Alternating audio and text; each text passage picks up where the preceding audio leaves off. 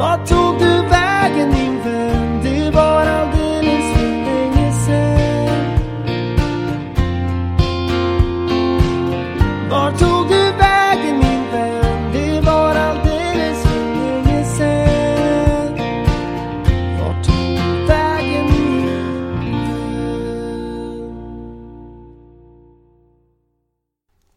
Morgon, god middag eller god kväll och välkomna till ett nytt avsnitt av Var tog du vägen-podden? Det elfte i ordningen och det sista för säsongen.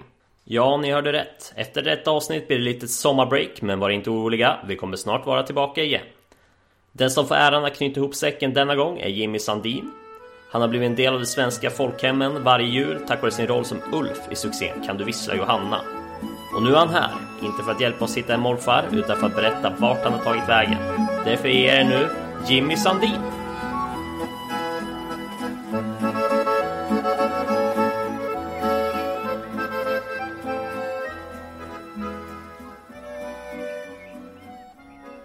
Ja, det tog sin lilla tid men nu sitter vi äntligen här. Välkommen till programmet Jimmy Sandin. Tackar, tackar. Det är inte så många som kan säga att de är en del av en eh, svensk jultradition.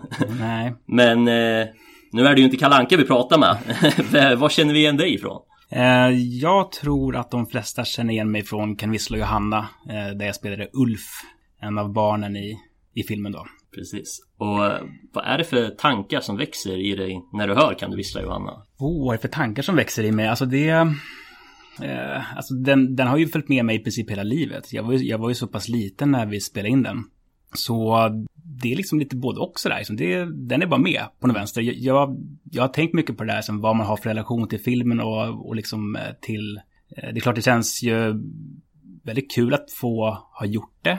Och framförallt så är det kul när liksom folk eh, berättar att de uppskattar den och uppskattar liksom det jag gjorde där och, och så. I och med att personligen så är det, det är så svårt att liksom hitta en, ska man säga, vad man har för koppling till det liksom på något sätt. Ehm, just som när man var, var så pass liten, den bara finns där liksom. Hur gammal var du?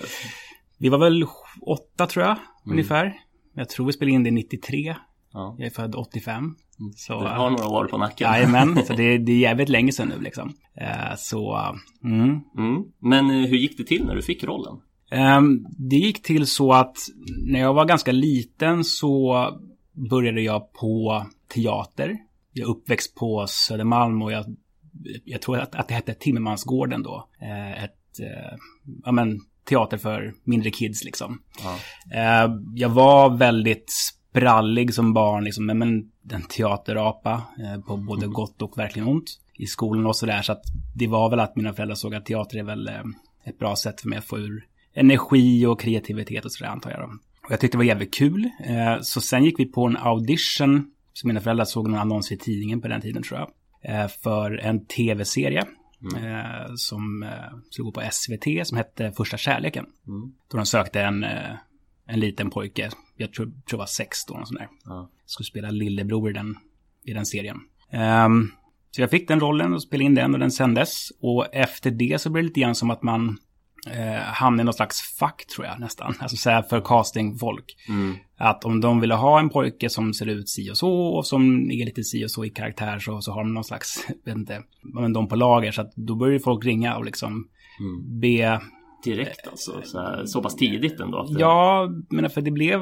Så att jag var jävligt liten liksom, men det, det blev en del så re reklamfilmsjobb eh, och liksom blandat sådär. Och i det där så kom då den här eh, auditionen för Kan visa Johanna. Och vad jag förstår så, jag tror att man nämnde att satsningen var någon, någon slags här, julklassiker av något slag. Men man visste liksom inte om det skulle flyga eller om det skulle bli så. Men det var liksom en, man hade väl en idé om att det kanske skulle vara, att det var tanken liksom. Så det gick igenom den auditionprocessen och, och fick den rollen. Mm. Var det många som sökte? Minns du det? Det minns jag inte. Nej. Det brukar väl vara ett par stycken i alla fall. Mm. Sådär. Så, eh, men jag faktiskt, jag har, jag har knappt en minne för själva, själva auditionprocessen i just den faktiskt. Nej. De uh, auditionprocesserna är som, en, som ett, var som ett kluster av vaga minnen som man var så liten. Liksom. Eh, vad minns du annars från eh, inspelningen? Det var jävligt kul.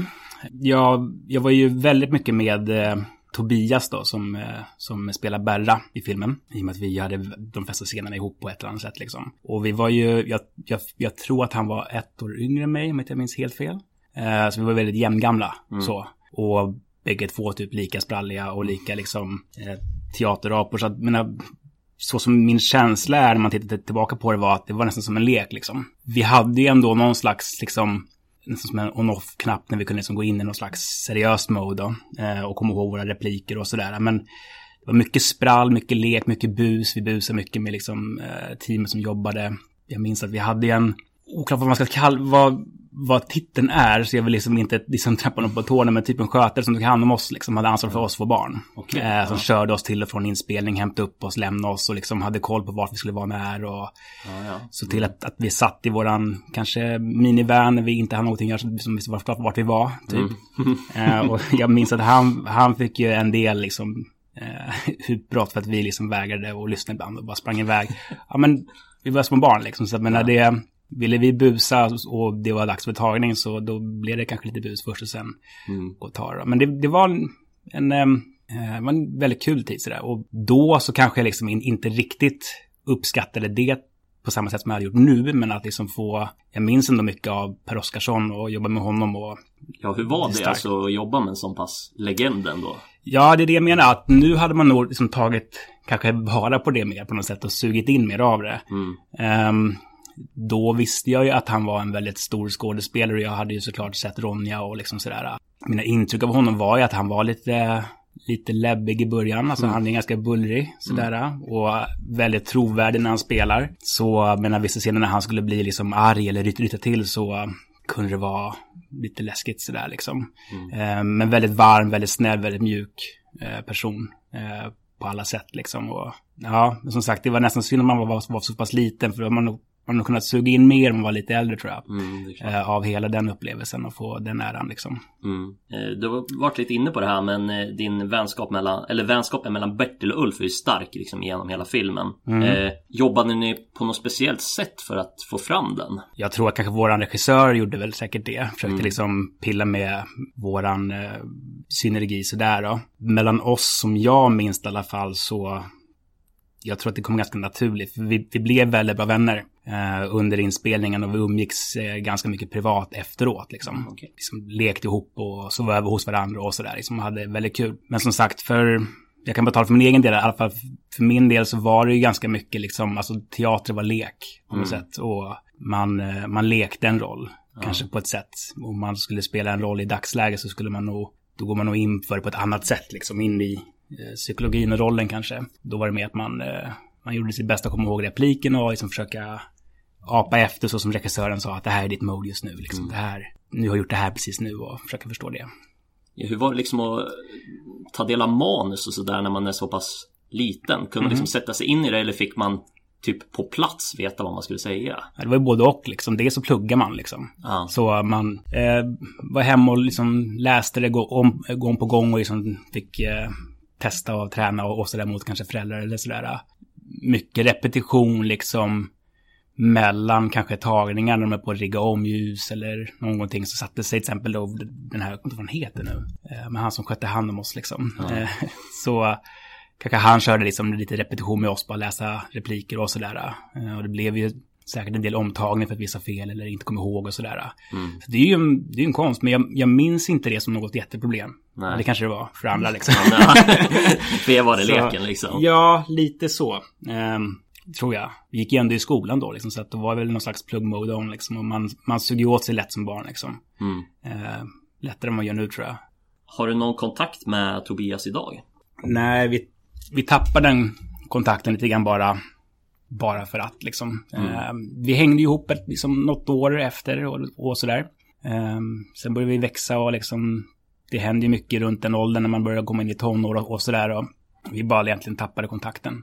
Mm. Typ så. Så idag så menar vi har varandra på Instagram och sånt där. Man kanske likar varandra eller någon gång har vi skrivit någon kommentar till varandra. Men mm. ytterst sällan. Sen har vi setts någon gång på så här, det har hänt att liksom någon tidningen vill ta någon kort intervju med oss för nu är det dags för filmen att gå igen och så, så här ser den ut nu. Och mm. Då ses vi liksom mm. i och med det. Så inget mer än så tyvärr. Nej. Är det någonting du skulle ändå vilja ta upp kontakten? Ja, absolut. Mm. Ingenting som helst emot det överhuvudtaget. Um, det är bara att man har så jäkla mycket för sig ändå. Så är det. så det är svårt liksom pa pa passa in allting. Men i, i en liksom, um, i en värld av lite mer tid så definitivt. Mm. Om du förstår mig rätt. Absolut. alltså det, jag tycker om honom jättemycket. Ja. Eh, nu har ju de flesta sett filmen, men vi kan ju ändå säga spoiler alert för morfan dör ju i filmen. Eh, och det är ju ett sorgligt slut. Mm. Förstod du det då? Ja, bra fråga. Jo, men det, det tror man kopplade. Absolut. Mm. Sen så tycker jag att liksom filmens budskap och sådär, det är också växt när man blivit äldre och fått mer liksom förståelse för, för det. Den har ett väldigt fint budskap på, på många, på många plan egentligen. Mm. Um, och sådär. Så, men ja, men jag, jag tror att det gick hem då också. Faktiskt. Mm. Även om den åldrats bättre i, i mig själv ju äldre man blir liksom. Mm. Yes. Uh, och filmen går ut på att Bertie ska hitta en morfar. Mm. Hur såg din, eller ser din relation ut med din morfar? Ja, han, han har tyvärr dött. Mm. Eh, dog för, nu, hur länge sedan var det? Det var ett tag sedan nu då. Eh, men relationen när han levde var, var bra. Han var en, en väldigt liksom, väldigt intressant människa på många sätt. Mm. Eh, han, eh, han, är, han var från Finland, eh, precis som min mormor och min mamma. Och han var en riktigt så här, han, med hantverkargubbe så på något sätt. Mm. Han byggde saker. Så menar när jag var jätteliten, han byggde liksom världens träkoja liksom med, med som etagevåning och skit. Det var liksom overkligt. Så Han byggde en egen båt som vi liksom var ute och åkte med varje år med såklart en bastu längst bak. Men ja. Finland liksom. Um, han, uh, han fiskade mycket. Så det var alltid lägga ut nät och meta och sen röka fisk och sådär. Um, jag var jättemycket hos uh, mormor och morfar när jag var liten så. Uh, de bodde en bit ut. Det var ändå så här med lite lantlig miljö mycket skog och natur liksom. Mm. Tror du att den relationen liksom hjälpte dig i skådespeleriet på något sätt? Ja, kanske. Eventuellt. Mm. Undermedvetet kanske. Ja. Um, jo, men det är, väl, det är väl klart att det gör det. Alltså... Du visste liksom ändå innebörden av definitivt. hur det ska se ut att ha en morfar på det sättet. Absolut. Mm. Jo, men så är det ju. Och vissa delar som tas upp i filmen är ju sånt som min morfar och jag gjorde. Som en tälja med kniv och vi, vi byggde, liksom, men just de bitarna. Och Mm. fiska tar man upp där och det gjorde vi. Och, så, så att det är definitivt såklart att det sätter ett, ett, ett avtryck. Mm. Jag tror jag det. Eh, varför tror du annars att filmen har blivit en sådan succé?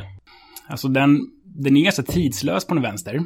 Samtidigt som den utspelar sig i, eller under en liksom, en era som jag tror många kan finna liksom fin och intressant. Det här lite äldre, det är liksom, det är lite, det är coola kläder, det är liksom, uh, tv var nytt och du vet sånt där. Det, det är ändå en liksom era som i alla fall jag kan tycka känns in, intressant och fin så. Snygga mm. bilar och allt vad det är. Men jag tror mycket just det att det är ett väldigt fint tema. Det är en ganska, det är en vacker story. Mm. Eh, om, om kärlek och om, om saknad. Om att eh, vilja ha något man inte har längre. På flera plan där. Dels Eh, morfar i filmen har ju saker som inte han har kvar som han saknar. Sin fru och sitt gamla jobb och sitt gamla liv och eh, barnbarn och Bertil saknar morfar och den, det finns ett tomrum där liksom. Och jag, jag tror att liksom, den typen av his historia tror jag att många kan knyta an till på något eller några plan. Och att då blir det, kan man knyta an till någonting så blir det finare mm. Eh, för en själv. Um, så det är väl min teori. Mm. Egentligen. Och att den går varje år, så då hinner man få en nostalgisk eh, koppling till det. Dessutom då att det är julafton, nu går den här filmen igen, jag kanske vuxit upp med den eller jag kanske har sett den nu sex år i rad då liksom. Mm. Ja, det här med julen, alltså det är ju inte en julfilm i sig kan man ju inte säga. Nej, verkligen inte. Varför tror du liksom att den ändå håller att ha på julen varje år? Ja, det, det kan vara med just temat att göra eventuellt. Där också, men när julen är ju mycket, det är ju familjen samlas ofta och eller för många så är det ju så att eh, man samlas, man ska umgås och ja, men, eh, vara glad för att de som finns där finns där på något sätt. Så man kanske kan sakna de som inte finns där längre. Så det går lite hand i hand med det eventuellt. Mm. Men sen så tror jag också det ligger mycket i att den, den har gått varje år och då till slut så blir det en tradition, vare sig man vill eller ej liksom. Alltså mm. du vet, tillräckligt lång repetition skapar ju traditioner. Precis, Kalanka har ju inte bara julinslag heller. Nej, verkligen. Och det är samma grej varje, varje gång, men det gör också att till slut så blir det mm. eh, fint, för det kopplas väl ihop med nostalgi och eh, ens egna uppväxt och tiden som gått och sådär. Mm. Gissar jag på. Så jag tror man inte ska underskatta det. Mm. Har du själv som tradition att se den? Vi ser den oftast. Um, vi såg nog mer förut tror jag nästan. Ja. Nu har det nästan ofta blivit så att vi, vi brukar se början. Ja, Okej. Alltså typ säg första kvarten 20. Sen brukar det, det krockar ofta med att tomten ska komma på besök. Mm.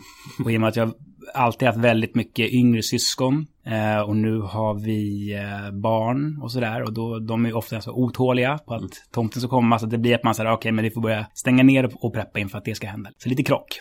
Men familjen tycker alltid det är kul. Alltså alla syskon tycker alltid det är liksom kul att det dyker upp och det blir alltid så ja där är Jimmy och du vet. Sådär och så, ja, trots allt. Har du annars några egna jultraditioner som kanske sticker ut lite från ja, det här vanliga?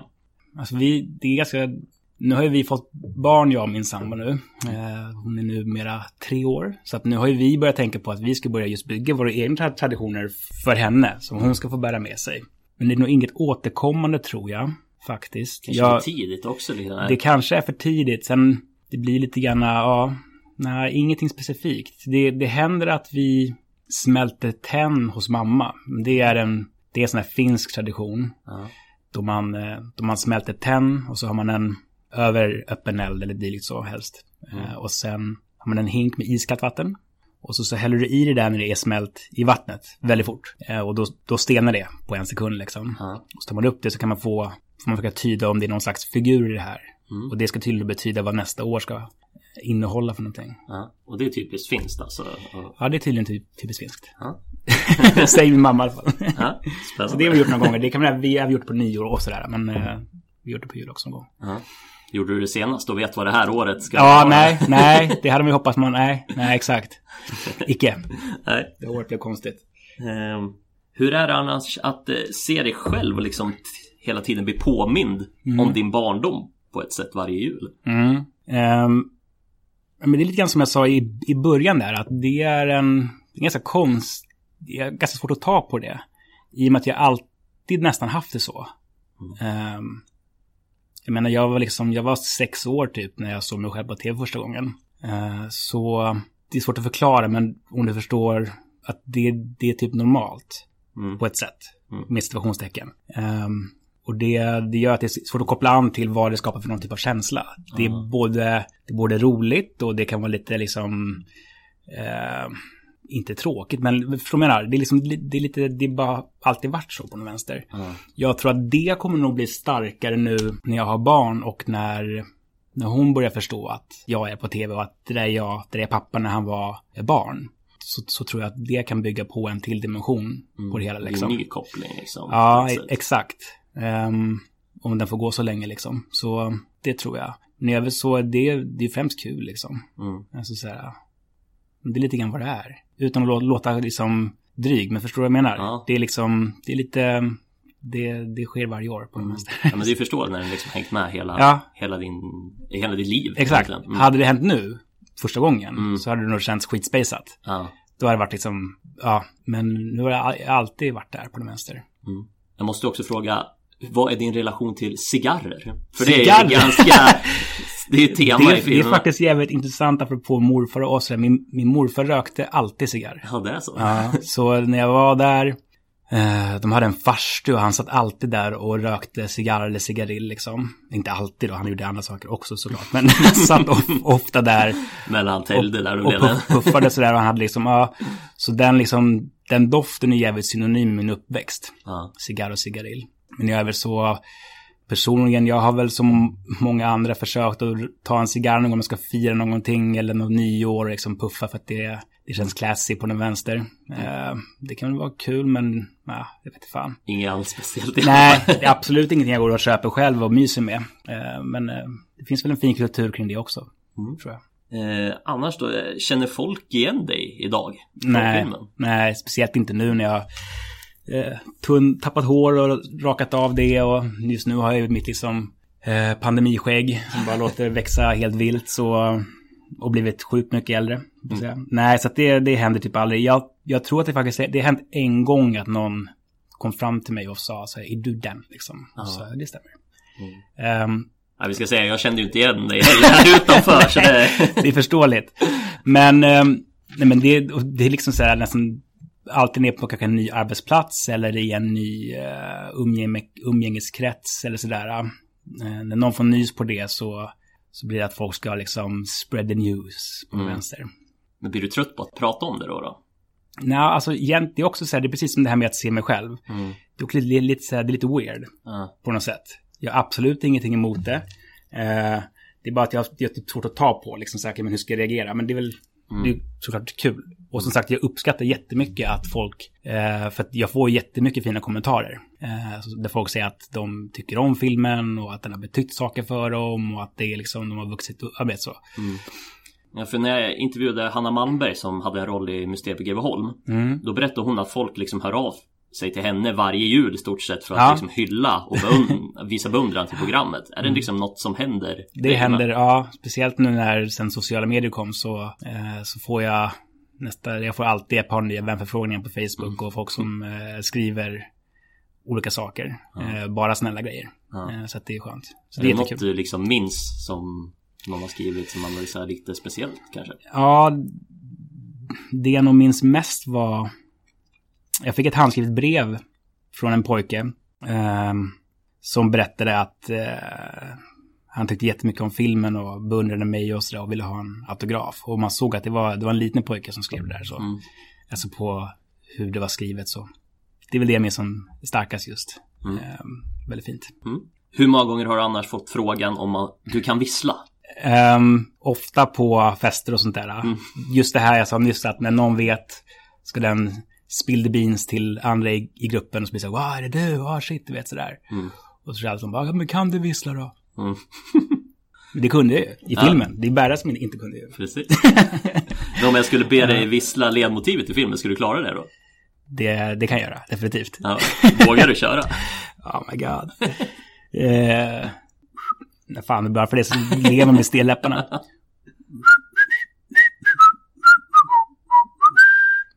Strålande. Riktigt fint. Ja, vissel, visselt finns. Det här var ju ett litet test kan man säga, men jag tänkte att vi ska gå över till lite större och svårare test. Okej. Eh, jag tänkte att du ska få testa om du minns dina repliker. Okej. Ja, mm. Känner du dig manad till att testa? definitivt. Då kör vi den första här då. Mm. Man skulle ha en morfar. Vad är en sån egentligen? Ja, där är ju någonting med att eh, han dricker kaffe. Vänta, fan är det jag säger alltså? Det är ju precis, det där är typ den biten vi typ ser var, varje år, sen börjar vi börja stänga Ja, just det. Ja, det- Så den är väldigt tidigt i filmen. Exakt. Ehm, eh, han, eh, där. Mm, det är någonting med att eh, han dricker kaffe och ibland äter han grisfötter. Går och fiskar, det är något sånt där. Ja. Ska vi ta och lyssna? Ja, kör. Ja, de bjöd på kaffe och, och så hittade de grisfötter. Det var ju, ja. Det var nästan riktigt där. bra ja, gjort. Ja, shit vad sjukt. Ja. Ja, imponerande. Vi kör eh, nummer två då. ja. Sen så tog han den här cigarren som han fick till mig och rökte den. Och sen så blundade han för då sa han att då känner man smak mycket bättre. Just det. Vad sa han sen? Det där är väl... Eh, sen sa han att det här var jävlar amamma. Den bästa cigarren någonsin rökt, tror jag. Ja, vi, vi lyssnar. Ja, vi kör. Sa han att det här var jävla mamma den bästa cigarren som han någonsin har rökt. Ja, det är ju exakt på orden alltså. Det är fan det. Alltså du vet, ja. Det är ju det är så jävla fint det med, med eh, uttalet på jävla namn också. Jävla mamma. Jäv- Jävlar mamma. Oklart. Ja, det är bra att du minns den också. Ja, men den blev en grej sen, liksom så. På Ja. något sätt. Det är klart. Vi tar nummer tre då. Mm.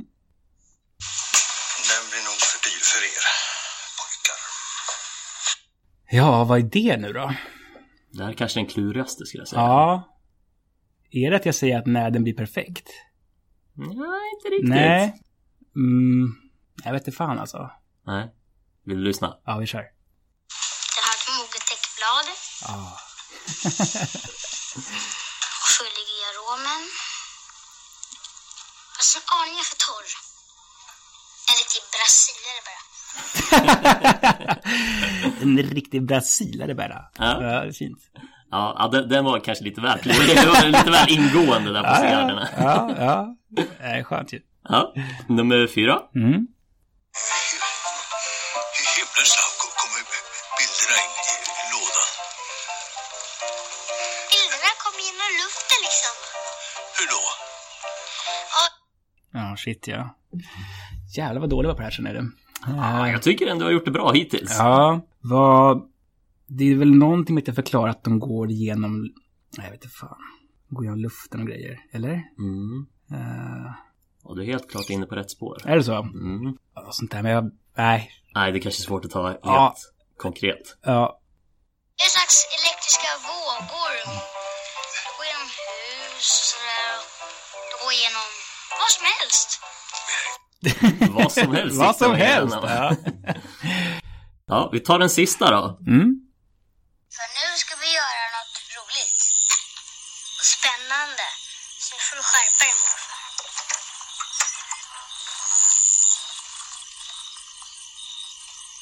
För Gustavs, hon är livsfarlig. Just det. det. Det är väl där... Jag tror... Det är, det är väl någonting med att han typ äter katter och sånt där shit tror jag. Mm. Eh, stänger in barn i källaren, eller? Nej, Ja, ja det, det är typ så. det kan nog stämma. Vi lyssnar. Han brukar stänga in små barn i källaren. Och så dödar han katter. ja. Fan, Ja, fan det är ju Fast mer än hälften där tycker jag. Så det är ju riktigt bra måste jag säga. Ja, vad sjukt. Men egentligen, jag menar, den går ju varje år så att menar, jag borde egentligen kanske minnas den bättre. Nej, jag vet inte. Jag tyckte det var bra gjort i alla fall. Tack, tack. Men om vi ska fokusera lite på eh, utanför skådespeleriet. Eh, vad hade du för drömmar som liten? Ja, min mamma har sagt att det, det som jag sa att jag vill bli när jag blev stor, när jag var liten, var direktör specifikt. Okej. Så, ja. Men, eh, Men inte för något specifikt? eller? nej, bara direktör skulle man bli tydligen. Eh, jävligt skumt. Eh, Men, eh, nej, men sen skådespeleri, det var väl absolut en dröm tror jag. Det kom ju dock till en punkt där jag liksom bara tappade intresse liksom på något sätt. Eh, Som jag berättade förut, så gick man på auditions och liksom spelade in reklamfilmer och lite saker vid sidan om och sådär. Mm. Vad var det för reklamfilmer? Allt från typ hemglass till eh, Marabou, eh, City Stormarknad gjorde någonting för och liksom, ja, Mm. blandat. Men sen kom det då en audition och det var för Lilla Jönssonligan. Okay. Skulle göra om den. Mm. Eh, med, liksom, med barn. Eh, och då kom jag till, till sista audition, var det mellan mig och en till. Mm. För vilken roll? Eh, Vanheden var det då. Eh, och den fick jag inte. Eh, och på något vis var det bara så här att då tappade liksom lusten. Så Ja. det gick inte på de här grejer. Ehm, Var det liksom en stor besvikelse då skulle du säga? jag vet inte. Det, det, det, det kanske det var. Jag minns liksom inte att jag kände någonting speciellt då heller. Det var bara så här, kommer bara ha mig typ. Mm. Från vänster. Sen har jag liksom alltid efter det älskat film. Ehm, jag pluggade film på gymnasiet och sådär. Och som jag sa förut, men jag var, jag var sjukt sprallig som barn liksom. Ehm, och på så vis ingen drömelev i skolan. Men det var alltid liksom bra på, det var liksom de, de kreativa ämnena. Mm. Funkade bra för mig. Så det var någonstans att det var väl det jag borde pyssla med på något sätt. Och därav sen då så läste jag film på gyn, gyn, gymnasiet. Det var, det var skitkul liksom. Eh, då var det dock eh, skapa film då, inte vara framför kameran. och så. Så men ja, det var väl, fanns väl drömmar om, om film och skådespeleri definitivt. Vem var du som person då under den här tiden, liksom tonåren och sådär? Alltså, jag förstår att du var liksom sprallig och sådär, men mer konkret, vad, hur var du som person? Um, väldigt um, framåt. Uh, jag hade ju mycket kompisar, alltid så. Så väldigt liksom, vad heter det, ja men framåt och social och sprallig och sjukt busig. Mm. Busade skitmycket hela min uppväxt. Ja. På, på, på såklart då, på, på gott och ont liksom. Vad är det största buset då som du har gjort? Minns du något? Ah shit, jag vet inte tusan. Det var ju, det var allt ifrån så här bara roliga bus som busringningar kanske och sådana här saker till vi, vi var lite yngre så vi var och punkterade cyklar på gården, så här skitdumma saker. Ja. Det som var bra den gången var att min, min, min kompis morsa kom på oss och vi fick gå och be om ursäkt till alla i, i trapphuset sen liksom. eh, konsekvens. Ehm, ja, nej men det finns mycket liksom. Mm. Det gör det. Men eh, ja, glad prick tror jag. Mm. Ändå. Yes. På vilket sätt har du förändrats då? Om du jämför med den tiden och idag? Eller är du samma människa? Jag är betydligt lugnare. Ja. Jag tror jag sprang av mig mycket. Nej men det har ju hänt mycket liksom genom åren. Men nu har man fått, eh, när man fått barn nu så har ju liksom hela livet förändrats. Eh, verkligen. Så betydligt lugnare. Eh, mera fokus på mig själv och mitt inre kanske än, eh, än liksom externt. Eh, och så. Eh, apropå det här med att vara busig. Du gjorde ju en eh, röst i Busungarna. Ja, just det. Dubbningen ja. Ja, Mm. hur var det? Ehm, det var jävligt annorlunda. I, I och för sig när vi spelade in eh, Kan Vissla Johanna så la vi in väldigt mycket av all dialog i efterhand. Okej. Alltså i studio. Mm. Ehm, på grund av olika anledningar. Allt bus på inspelningen Exakt, kanske. ja precis. Nej men jag gissar på att det var ljudupptagning och det, man kanske hörde, hörde flygplan och bilar i bakgrunden och sådär. Mm. Som ville ha liksom en, eh, en klar ljudbild gissar jag på. Ehm, jag var ändå lite van med det här, som gå in i liksom ett, eh, ett bås och agera med rösten samtidigt som man ser en bild på den vänster. Från, från det. Jag tror att det hade varit ännu konstigare att gå in där första gången och bara försöka liksom, utan att liksom använda kroppsspråk eh, visuellt då. Man får göra det ändå när man pratar i mick för att försöka få till röstläge och sådär. Men det var, det var kul. Mm. Fan, jag ska glömt bort det. Eh, Men efter detta, då är det nog inte så många som egentligen vet vad som hände med dig. Eh, Så då är vi framme vid den programpunkt där jag frågar, var tog du vägen? Ja, jag bytte ju bana ganska hårt där egentligen, ganska tvärt. Ehm, som jag nämnde så, jag pluggade film på gymnasiet. Tyckte det var otroligt kul och det var liksom, jag kände väl då för första gången inom min, under min skoltid att här, nu hittar jag rätt på den vänster. I och med att jag tidigare alltid varit liksom busig och gärna hellre kläva runt på golvet än att lyssna på, på lektionen. Mm. Så efter gymnasiet så då började jag jobba med film. Jag hade en liten enskild firma. Ingenting så här, inget namngett utan det var liksom för att kunna jobba med oli- olika partners. Jag gjorde mm, spridda jobb. Ehm, Vad var det konkret du gjorde? Var det liksom, gjorde du allting eller var det manus? Eller var det var lite, ja, det, det, var, ju- det var ganska små saker sådär. Så det var ju mycket, alltså, dels producera själva filmmaterial som skulle göras, ibland bara att klippa det, eh, ibland både och. Ehm, så det var ganska spritt så. Eh, sen höll jag på med det i kanske två, tre år, något sånt där. Men sen kom det till någon punkt att jag kände att jag vill typ ha ett normalt jobb på den vänster. Eh, Som mina andra kompisar hade, att de var, liksom, de var alltid lediga kanske på helger eller de hade ett satt, eh, satta veckor för semester och med mer kontinuitet liksom. Men då var man, var då man typ, typ 21 och sådär liksom. Eh, och när man driver eget och jobbar med, med film så är det ju inte så att det Finns det jobb så gör man jobb och det spelar ingen roll om det är på kväll eller på helg eller jobbar 20 timmar om dagen. Vet. Det, När man jobbar så jobbar man liksom.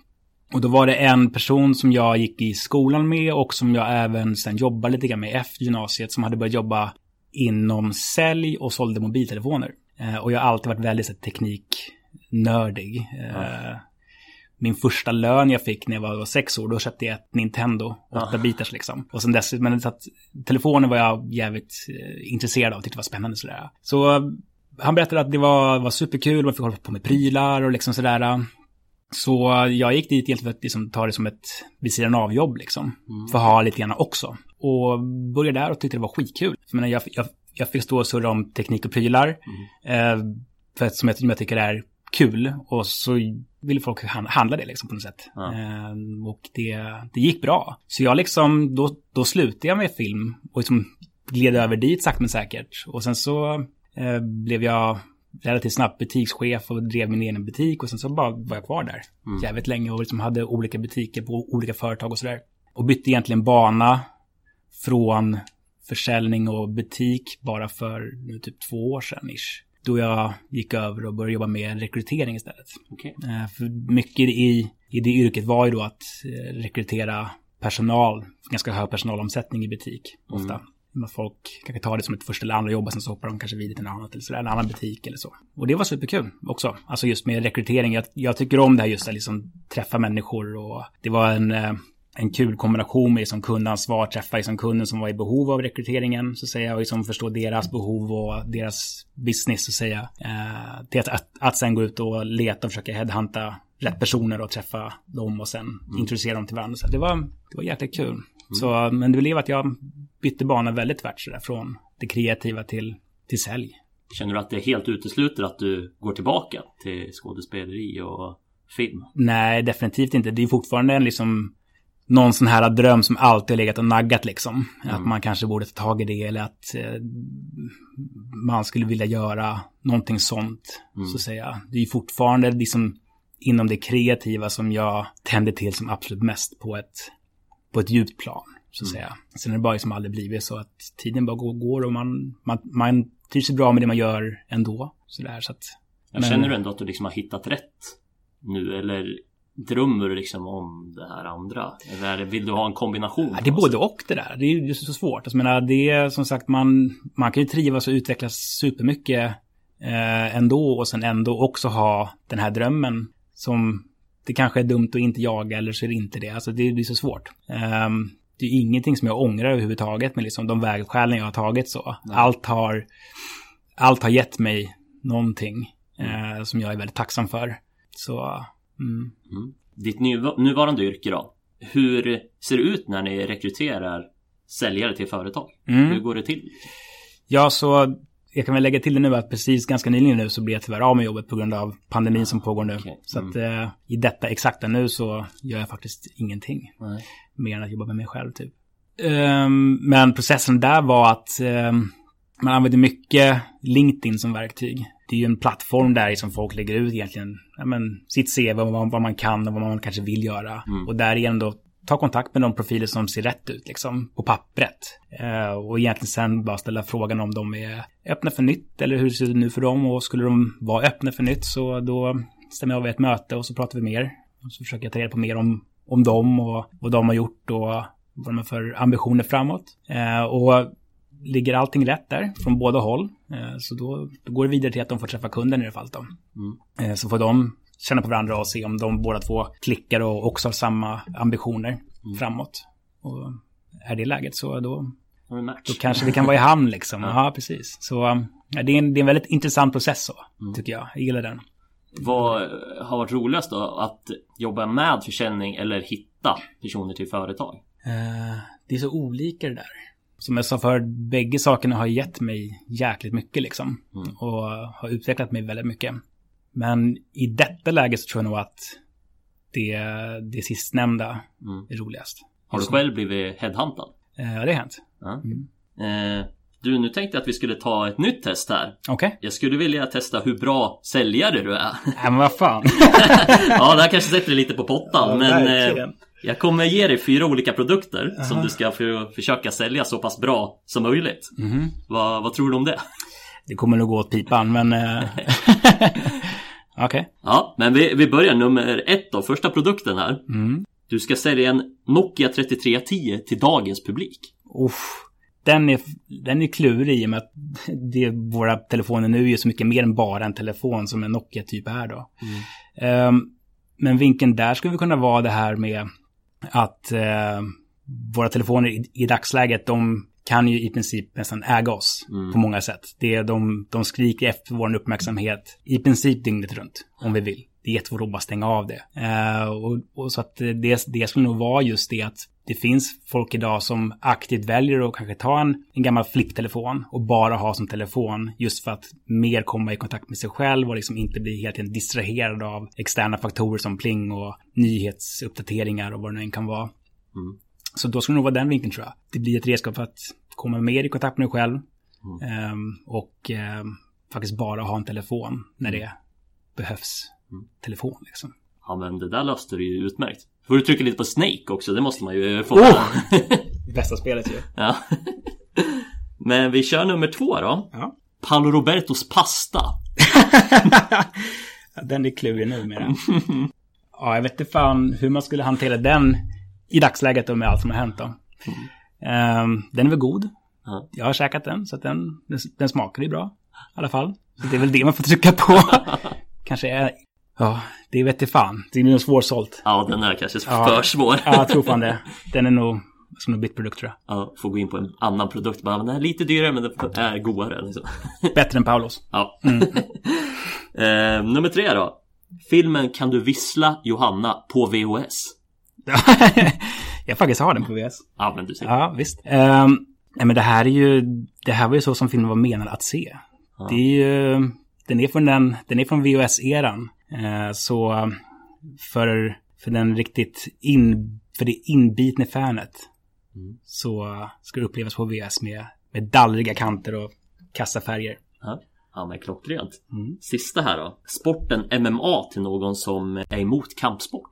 Ja, jag är ju jag är en, en stor MMA-entusiast. Så ehm, det, det är just eh, det, det, det jag mycket skulle på där, det är just djupet i sporten. Den, är, den ser väldigt hemsk och våldsam ut och det är en våldsam sport. Eh, men det finns ett otroligt djup i den fortfarande med alla discipliner och alla regler. Eh, samtidigt som eh, de som utövar den viger hela sina liv åt det, liksom att komma upp på den här nivån. Så, så mycket den vinkeln eh, tar jag nog där att det finns mer att hämta än bara blodsport som vissa kan se det som.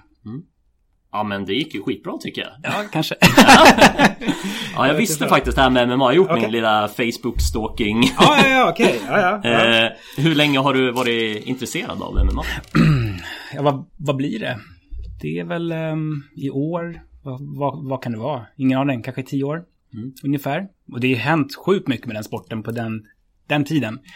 Från att ha, men när jag började titta på den så var det nästan som att man började titta på det just för att det var lite udda, lite underground. Det var liksom, det pratades om det men gick knappt att få tag på det, liksom vart det sändes ingenstans. Man bara hört om det här konstiga att två snubbar går in i en Bur. i en bur och puckla på varandra liksom.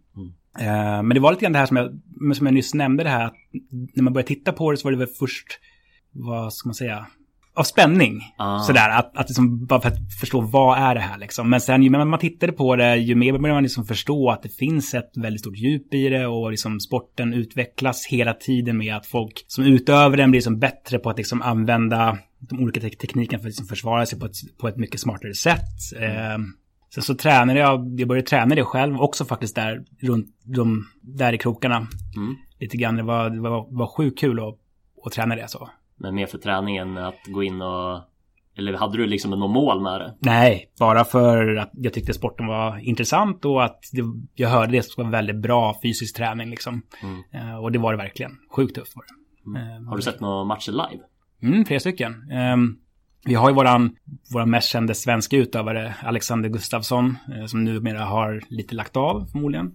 Ehm, men när han var aktiv så såg jag de flesta av hans matcher live. Mm. Eh, så jag åkte till, liksom, till eh, Houston och kollade på hans titelfight där. Jag var i Toronto och kollade hans titelfight där. Sådana här helt galna folk som inte är lika intresserade tycker att det är helt sjukt. Man åker, på en, på en liksom weekend till Houston. så här, man är jetlaggad i typ en vecka bara för att vara där fredag till söndag liksom. Eh, och betala dyra pengar för det. Men det var värt det. Det var riktigt coola upplevelser. Var du även på här i Sverige? Ja, jag har varit på nästan alla här tror jag. Hur var det om du jämför svenska fighten mot eh, i Houston då till Mm. exempel? Vad skiljer sig så här, jag tänker i eh, runt omkring? Ja, alltså det, det är ju stor skillnad. Alltså så här, man går på evenemang i liksom i USA, det, stämningen på arenan är liksom annorlunda. Här är ju liksom de som går på, på matcher i Sverige, då är det, det är som de typ största inbitna fansen egentligen. Så folk är väldigt involverade när väl liksom det är match och det är mycket respekt att folk är så tysta, kanske om det är spännande och folk liksom applåderar när någonting händer. Man, folk re- reagerar på det som händer eh, nere på mattan liksom. På ett annat sätt. Eh, Medan i USA känns det mer som att lite som en folkfest, ish. Eh, folk är glada, stimmiga, eh, folk eh, dricker ganska mycket liksom och tjoar och simmar liksom. Mm. Så det, det är två helt skilda upplevelser. Och det känns mycket större på något sätt där borta också. Det är på något jävla sätt. Det är väl allting jag på att säga, kanske. Men... Eh, ehm, Du tycker att slå han på käften står sig som ramsar då? Nej, jag vet inte fan. Den börjar bli lite tjatig för det första och, och sådär. Och jävligt tunn. alltså, sådär. Men den, den har hängt med. Alltså, ja. Yes. Eh, vad har du annars för andra intressen? Ehm, ja, som sagt, mina liksom, det är ju... Filmen har alltid varit där, jätteintresse, sport, då är det MMA, fotboll eh, egentligen, som är de stora. Eh, men sport överlag är liksom alltid kul att titta på, eh, tycker jag. Utövar ingenting själv, men eh, åskådare. Ehm, tv-spel har alltid varit liksom en stor passion för mig, med som jag sa, min första betalda lön så gick det till Nintendo. Sen dess har jag alltid spelat tv-spel. Ehm, Vad rekommenderar du för spel då? Ja, det är ju så mycket. Det beror ju helt på. Alltså det är ju, spel är ju som, som film på Mm. många sätt. Speciellt numera när liksom man kommer så långt tekniskt. Eh, att man kan liksom berätta en, en story som har samma kaliber som en bra film. Mm. Men att du får integrera med den. Så den frågan är nästan omöjlig att svara på tror jag. Det är som att säga, men vilken film ska man rekommendera? Men det beror på vad man gillar liksom. Gillar du komedi eller gillar du action eller thrillers, vet? Det, Men Har du någon, eh, både film och tv-spel som du liksom känner i hjärtat det här är någonting du verkligen har gillat? Jo, ja, så här, absolut. ja, om du får ge ett tips liksom. Ja, om ett spel, om man just vill känna på det här, äh, vilken, alltså hur långt mediet har kommit då. Ehm, och vi som vill eh, bli gripen, så skulle jag säga The Last of Us på Playstation. Det är väl det spel som jag tror har den bästa karaktärsutvecklingen och den bästa storyn, liksom man väver ihop en historia som man tar sig igenom. Mm. Ehm, tvåan kommer här nu i, i juni, det ska bli sjukt kul. Och film, en av mina favoriter är ju Schindler's list. Mm. Den tycker jag är otroligt bra gjord. Eh, den kan jag se nästan hur många gånger som helst den är alltid lika bra liksom. Och viktigt budskap med, så att den, det är väl kanske det. Det tycker jag var riktigt. Men det- Två riktiga klassiker och Ja, riktigt bra ja, film och men det är svårt. Något som jag har sjukt svårt med, det är typ om någon säger, men vilka är dina typ tre bästa favoritfilmer? Det är typ omöjligt för mig att svara på, för det finns så många på vilket humör man är på och Mm. på vilket sätt man angriper som lista. Det, det finns så mycket bra. Nu kommer en stor fråga här. Okej. Men vad är det bästa med att vara Jimmy Sandin? Oh. Ehm, det bästa med att vara Jimmy Sandin, det är min familj, ska jag säga. Mitt, eh, min dotter och min sambo. Det är det. Om vi vänder på det då. Ja. Vad är det sämsta? Åh, shit ja. Det finns mycket. Det finns ju sjukt mycket. Antagligen. Du får nog fråga min sambo om det, nästan. Hon kan nog lägga till ett par stycken där. Eh, var ser du dig själv om tio år? Om tio år så ehm, har jag fått följa min dotter när hon växer upp. Eh, Vi har kanske ett barn till. Kanske bor i hus. Eh, där jag har fått bygga en, ett biorum i källaren. Mm. Eh, det är väl det tror jag. Mm. Som är liksom ambitionerna. Jag är jävligt familjär. Alltså det, familjen är väl det som är grunden till allt jag gör liksom. Ja. Om du tänker karriärmässigt då? Ja, den är ju klurig. I och med att nu, nu har jag precis eh, Eh, förlorat jobbet. Eh, så nu så kommer jag väl ja, men, ta lite kort, kort paus och fundera på vad nästa steg blir. Och där är jag väldigt öppen liksom. Vad jag ska göra. Det är, i och med att nu är lite grann världen satt på, på halvpaus. Så eh, då kan jag känna att då kan jag verkligen fundera på vad jag ska ta för nästa steg liksom. Om det blir inom rekrytering eller om jag ska liksom skola om mig kanske. Eller om jag ska gå mot det kreativa. Det, jag är ganska öppen tror jag nu. För vad jag ska göra. Så eh, den är liksom, den är lite svår. Mm. Jag står liksom just det vägskälet själv och funderar på liksom nu vart, var ska jag ta mig framåt här nu då? Åt vilket håll? Så det kan bli lite, lite grann vad som helst tror jag. Mm. Skulle du liksom kunna gå byta någon helt annan inriktning mot vad du har? Kanske. Ja. Det är det jag liksom går och funderar på. Att nu har man nästan fått den så att säga, chansen. Och man får ut, uttrycka det så på något sätt att, att det har blivit som det har blivit nu då. Så nu, nu har man liksom fått den möjligheten att liksom eh, kanske kunna tänka om dessutom. Mm. Kanske en bra, bra timing att plugga. Mm. I och med att nu är det som det är. Eventuellt. Mm. Om vi ska sammanfatta ditt liv då. Mm. Jag tänkte att vi kan göra det som ett manus. Aha, Eh, då brukar man framförallt ha två vändpunkter Mm. och ett klimax. Vilka skulle dessa vara för dig? Två vändpunkter och ett klimax. Ehm, den ena vändpunkten skulle det definitivt vara eh, gymnasiet. Mm. I och med att det blir en vändpunkt för mig liksom i, i min relation till skolan på något sätt. Mm. Den andra vändpunkten är när jag blev pappa. Och klimaxet är nog precis här och nu. Ja. Sådär, i och med eh, att ja, men, vi, vi eh, går alla igenom en liksom, stor kris nu med pandemin. Jag har blivit av med jobbet. Och nu ska man liksom... Det är nu nästa stora steg sker. Så det, jag tror att klimaxet är här och nu. Mm. Är du liksom orolig eller rädd för vad som kommer ske? Eller ser du det just som en liksom en ny chans eller vad man ska säga? Mm. Nej men eh, det är klart man är orolig som jag tror att de flesta är. Att det är ju det är en väldigt ostadig och osäker värld vi just nu lever i. Eh, och så känner jag också. Eh, men det här har ju kanske bara börjat. Vi har ingen aning om hur länge det kommer pågå liksom, och vad de stora konsekvenserna blir och ringarna på vattnet så att säga. Um, så det är definitivt så, men jag försöker också se det som en, en chans. Mm. Som jag precis sa, att nu det är som det är och nu då har jag faktiskt chans att fundera lite grann vad jag kanske vill göra eller vad jag är sugen på att ta för något typ av, av steg. För som vi var lite inne på förr när jag pratade om åren här nu som vart så, så har man liksom, man, det är lätt att liksom glida med. Just för att man trivs och för att man utvecklas och har kul. Mm. Eh, och det är liksom, det är ingenting som är fel med det överhuvudtaget. Det är bara bra. Mm. Eh, men samtidigt då, man stannar liksom nästan aldrig upp då och bara höjer blicken och kanske ser sig om. Det kanske finns någonting annat man kanske vill göra. Eventuellt. Eh, och nu, nu har jag fått den så säga, chansen då.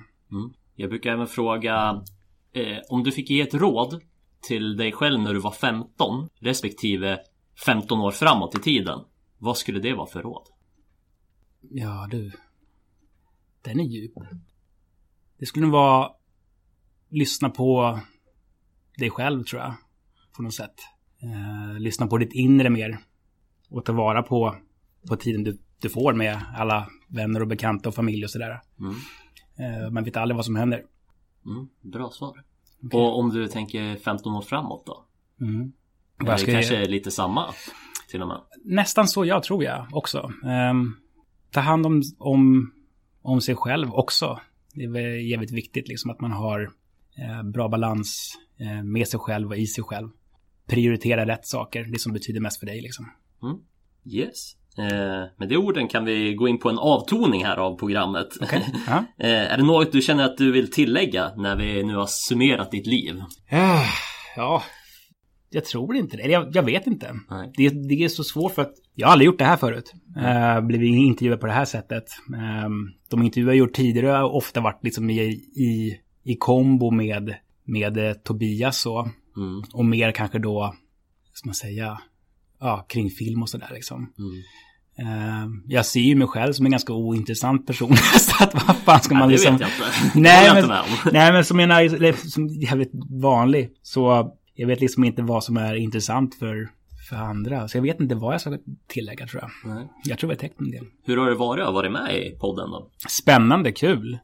Um, jag, jag konsumerar ju en hel del podcasts själv. Mm. Uh, och uppskattar verkligen formatet så. Så Får du ge ett poddtips här också då? När du ändå har varit inne på eh, film och tv-spel. Ett poddtips? Eh, mina personliga favoritpoddar är väl eh, Joe Rogan, tycker jag är bra. Mm. Jag gillar formatet på att där det är, det är långa samtal och så kan man handla om precis vad som helst. Så man kan få med sig både högt och lågt verkligen.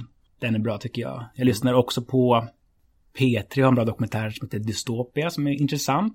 Eh, väl välgjorda dokumentärpoddar. Det är väl de som jag tror går som mest just nu. Mm. Mina öron. Mm.